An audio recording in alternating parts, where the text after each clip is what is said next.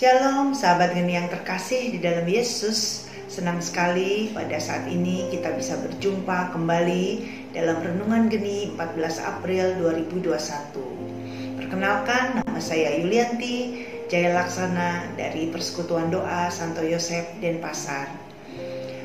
Kita akan membahas perikop dari Yohanes 3 ayat 16 sampai 21 Saya beri judul Yesus adalah terang Sahabat-sahabat geni, kita baru saja merayakan Paskah, di mana Tuhan kita Yesus Kristus bangkit dari mati mengalahkan maut.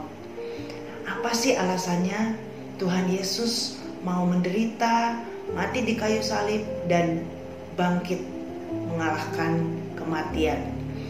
Kita akan lihat alasannya di dalam Yohanes 3 ayat 16 bahwa begitu besar kasih Allah kepada kita Begitu besar kasihnya untuk manusia sehingga Allah mau mengirimkan putranya yang tunggal untuk diselamat untuk menyelamatkan kita manusia.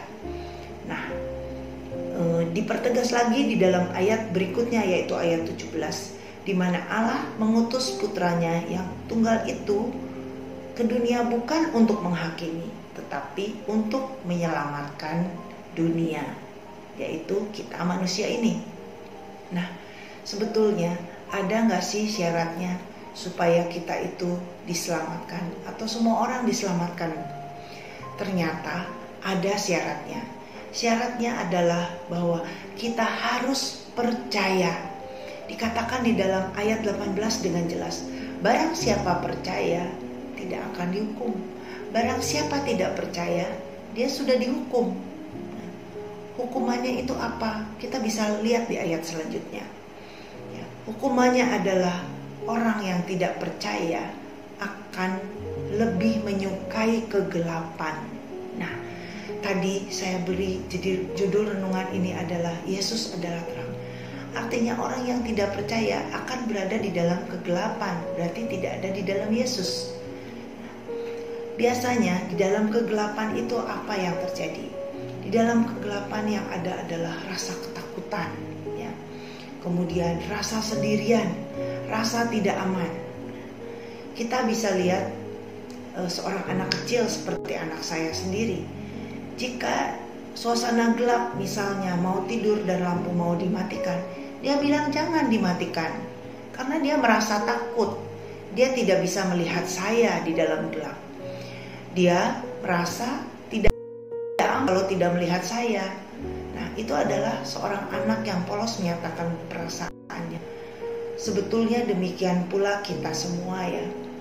Bahwa jika kita ada di dalam kegelapan dan tidak menyertakan Yesus di dalam hidup kita, maka kita akan merasa ketakutan di dalam hidup kita.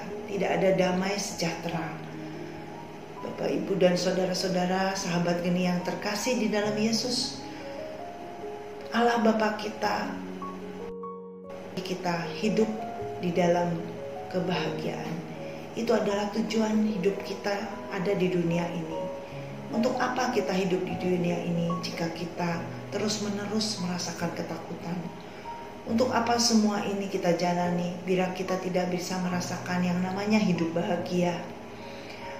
Sebetulnya jelas dikatakan resepnya, jelas dikatakan petunjuknya, apa yang harus kita lakukan supaya kita mengalami yang namanya hidup bahagia itu, yaitu kita harus hidup di dalam terang, dan terang adalah Yesus sendiri. Nah, sahabat-sahabat geni yang terkasih, kita refleksikan diri kita, hidup kita. Sudahkah kita hidup di dalam terang? Sudahkah kita menjadikan Yesus sebagai nahkoda kita? Sudahkah kita menyandarkan hidup kita dan selalu melibatkan Tuhan di dalam hidup kita? Marilah kita bersama-sama merenungkannya pada hari ini sehingga kita bisa selalu hidup dalam bahagia, dalam damai Tuhan dan sejahtera selalu.